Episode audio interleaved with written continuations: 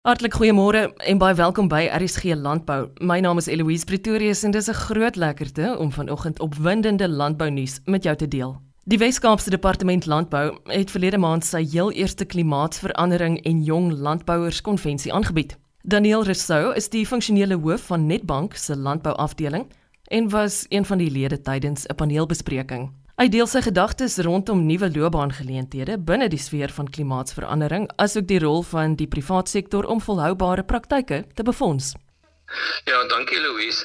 Ja, ek sit en dink net sommer net ehm um, as mens gaan kyk na die verwagte impak van klimaatsverandering, weet in die volgende kom ons maak dit maar 20 na 30 jaar toe.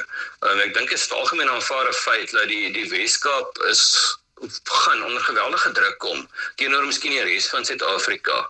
So dit is vir my absoluut verblydend en miskien ook noodsaaklik dat die Weskaapse Departement van Landbou baie ernstig is uh, met klimaatsverandering en dan ook die impak wat klimaatsverandering weet op ons sosiale interaksies um ook dan die finansiële kant en die bewaring van ons hulpbronne het. En dan ook die geleenthede wat daar vir jong mense is om te tree um, want hierdie raak eintlik 'n nuwe beroep as as dit so gaan kyk weet oor die volgende 15 en 20 jaar toe.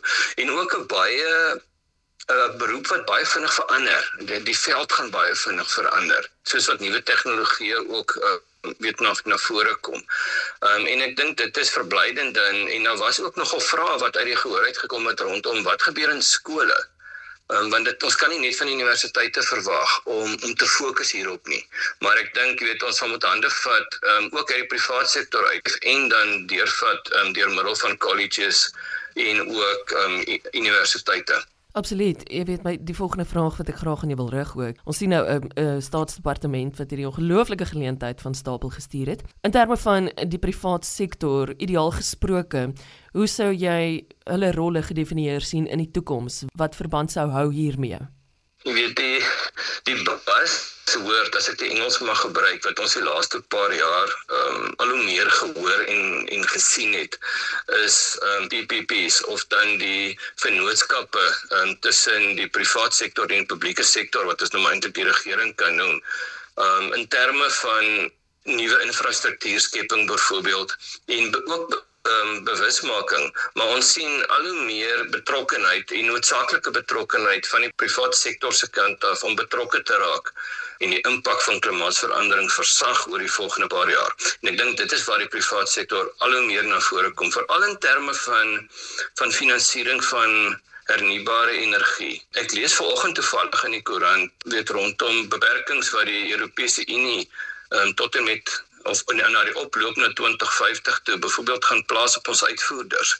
Want Suid-Afrika is op hierdie stadium, ek dink die die tweede grootste sondaar in terme van vrystelling van kweekhuisgasse as gevolg van ons afhanklikheid van van steenkool weet vir vir, vir kragopwekking en die geweldige druk wat daar gaan kom om hernubare energie um, te, te te finansier. Nou wat as hier die grootste um, die meeste sien op hierdie stadium is dan beweeg na na na um, fotovoltaïs toe of dan nou in Afrikaans uh, sonpanele en, en ook um, windkrag. En die die regering die openbare sektor kan dit nie alleen doen nie. Weet ons het die hande nodig en natuurlik ook die kundigheid um, van die private sektor. Nie net om dit te bestuur nie maar in baie gevalle miskien self te dryf ook. Daniel Lastens jy weet 'n geleentheid soos die een wat ons onlangs beide bygewoon het is dit tog vir my baie duidelik dat dit nie alles 'n donker prentjie is nie. En nou praat ek nie net van 'n silwerrand om 'n wolk nie, maar daar word daadwerklik elke liewe dag dinge gedoen, navorsing en so meer en ek weet dit ons op 'n goeie en 'n positiewe plek gaan uitkom. Nee, definitief. Uh, ek dink ons is ons is verby 'n punt van dat ons net kan praat oor hierdie dinge. Ehm um, ek dink die dit wat ons die afgelope paar maande beleef het veral wat as ons gaan kyk na die impak van beerdkrag die laaste paar maande veral um, op die ekonomie en dan meer spesifiek die landbou want landbou is ongelooflik afhanklik van elektrisiteit um, nie net vir besproeiing nie maar aan al die prosesse weet dwars deur die ware ketting Um, en ons is nog nie op 'n stadium dat ons 100% onafhanklik kan wees van van Eskom nie. Um, word ons aangedwang om ek dink baie vinniger aksies te neem. En wat vir my baie verblydend was, is byvoorbeeld um, minister Pravin Gordhan wat nou uitgereik het weet rondom kundigheid wat beskikbaar is um, in die privaat sektor en ook dan weet die die afgetredenes of die uitgetredenes in die privaat sektor um, wat wat kan kom help in hande vat um, met die staatsdepartemente om basies te kyk weet ons ons energie baie meer doeltreffend kan kan produseer as ek dit so kan noem. Want die druk op Suid-Afrika raak al hoe groter in terme van sekwesgasvrystellings. So dit is die verblydende gedeelte dat ehm um, daar nie net meer gepraat word nie, maar dat al hoe meer gedoen word. Ook dan natuurlik die beperkings wat opgehef word en die Engels het so 'n mooi woord, die red tape wat ehm um, stelselmatig opgehef word wat dit al hoe makliker maak ehm um, vir private instansies om te kan bydra tot energieopwekking. Weet jy ja, ek wil miskien uit die ekonomiese kant uit ehm um, en ek het dit genoem ook, weet tydens ons gesprek of ons um, paneelbespreking, is dat ons moet net besef dat klimaatsverandering is dis 'n baie groot risiko. Ehm um, maar dit is ja, maar dit is ook net dit is net 'n risiko, um, 'n baie groot risiko ja in die hele volhoubaarheidskonsep. Nou vir my weet bestaan volhoubaarheid uit uit, uit drie bene uit. Ehm um, dis sosiaal, dis ekonomies en dan die volhoubare benutting en bewaring van ons natuurlike hulpbronne. En die tentakels van klimaatsverandering wat ons sien in al drie hierdie bene van volhoubaarheid. So ons kan nie net fokus op die een gedeelte nie. Ons moet holisties ehm um, daarna kyk en dan die impak wat, wat klimaatsverandering basies op al drie bene van volhoubaarheid het. So gesels funksionele hoof van Netbank se landbouafdeling Daniel Resou. 1 tot 7 Augustus staan bekend as Nasionale Wetenskapsweek. Dr Mike Wallace is die spesialis wetenskaplike en spanleier van die geografiese inligtingstelsel afdeling by die Wes-Kaapse Departement van Landbou. Hy deel besonderhede rondom nuwe tegnologiese ontwikkelings wat verband hou met gewasmodulering. Dit pas mooi in by klimaatsverandering want as ons die modellering van klimaatsverandering doen, die sogenaamde global climate modelle, skep groot datastelle van toekomstige scenario's of wat hulle noem big data, nee. En sulke datastelle is nie sê nie baie vir ons in terme van verwagte impakte op die verskillende landboupraktyke.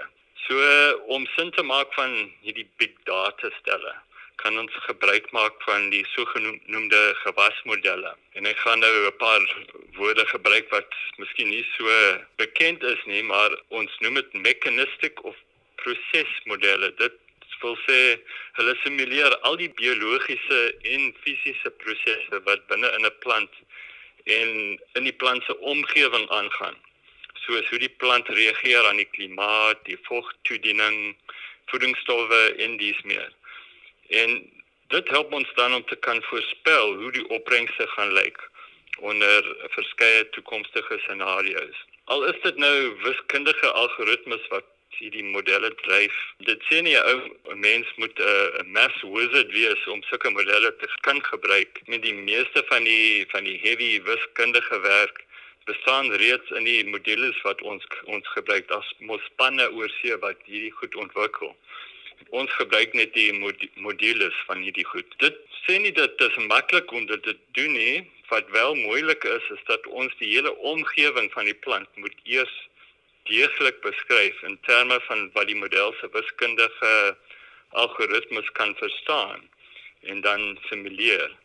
So sulke wat hulle noem input parameters behels deeglike grondeienskappe, bestuurspraktyke, eienskappe van die plant of die kultivar en al die verskillende klimaatsfaktore wat daai plant gaan beïnvloed. En so die die gebruike van sulke modelle moet dus 'n goeie agtergrondkennis dra van plant, grond en klimaatinteraksies. Die opstel van die model parameters of die parameterization soos hulle dit noem van die model is eintlik 'n redelike struikelblok want daar is nie 'n groot gebruikersbasis van sulke werk in Suid-Afrika. Ander lande het mos spanne wat sulke goed doen hier is dit net uh, jy's manne leuen of vroue leuen wat wat hierdie goed doen gewoonlik. Maar dit is 'n baie lekker hierdie rigting om in te gaan en en I think it's it's something that gives great job satisfaction to be able to sit and with the push of a few buttons to simulate a whole variety of options that can influence a crop's outcome and simulate the, the future of that crop. Dit is regtig wel baie interessant. Ek wonder, veronderstel ek wil myself, jy weet, toerus met die nodige inligting of ek stel belang om dalk, jy weet, 'n landbouloopbaan in hierdie veld te volg. Wat swat 'n mens?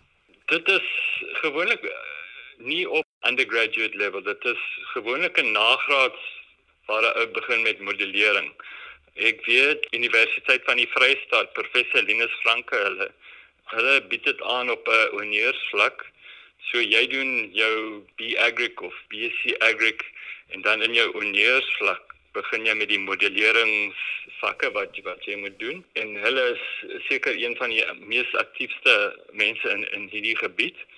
Dan is daar ook by Tukkies en UKZN en selfs hier by UCT is daar een ou wat betrokke is by modellering. Maar, maar soos ek sê, is dit gewoonlik 'n nagraadse rigting wat 'n ou nou inslaan.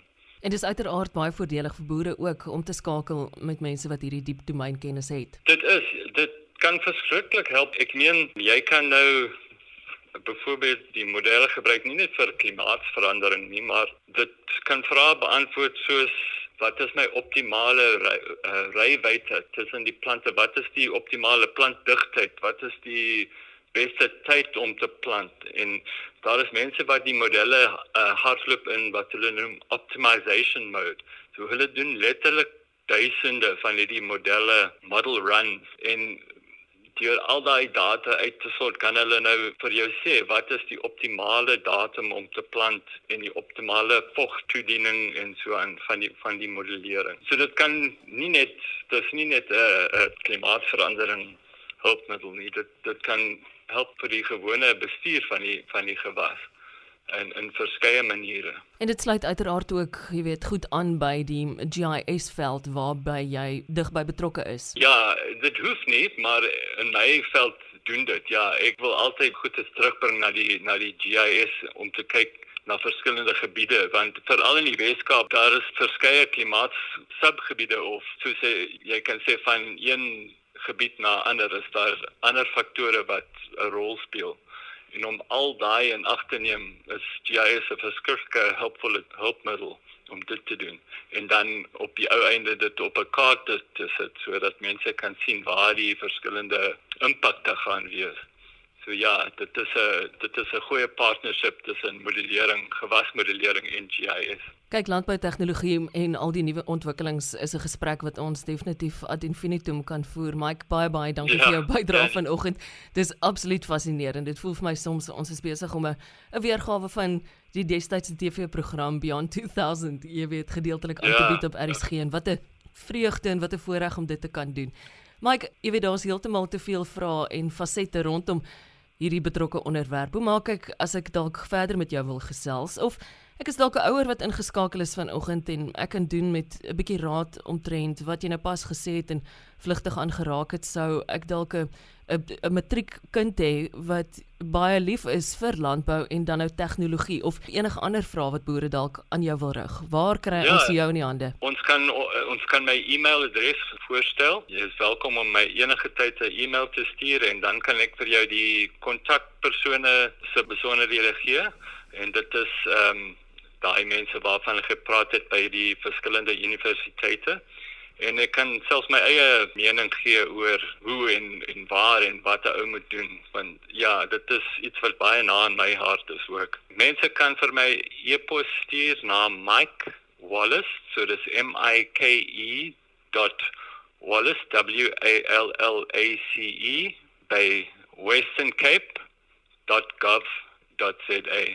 Dit dan Dr Mike Wallace, hy is die spesialis wetenskaplike en spanleier van die geografiese inligtingstelsel afdeling by die Wes-Kaapse Departement van Landbou. Hierdie is 'n program wat jy gratis met iemand kan deel. Naai dit afgelaai het op www.elsenburg.com. Ek is Eloise Pretorius en ek sien daarna uit om môre om kwart voor 12 weer landbou sake met jou te gesels. Intussen wens ek jou 'n wonderlike Vrydag hier in die geselskap van RSG. Totsiens.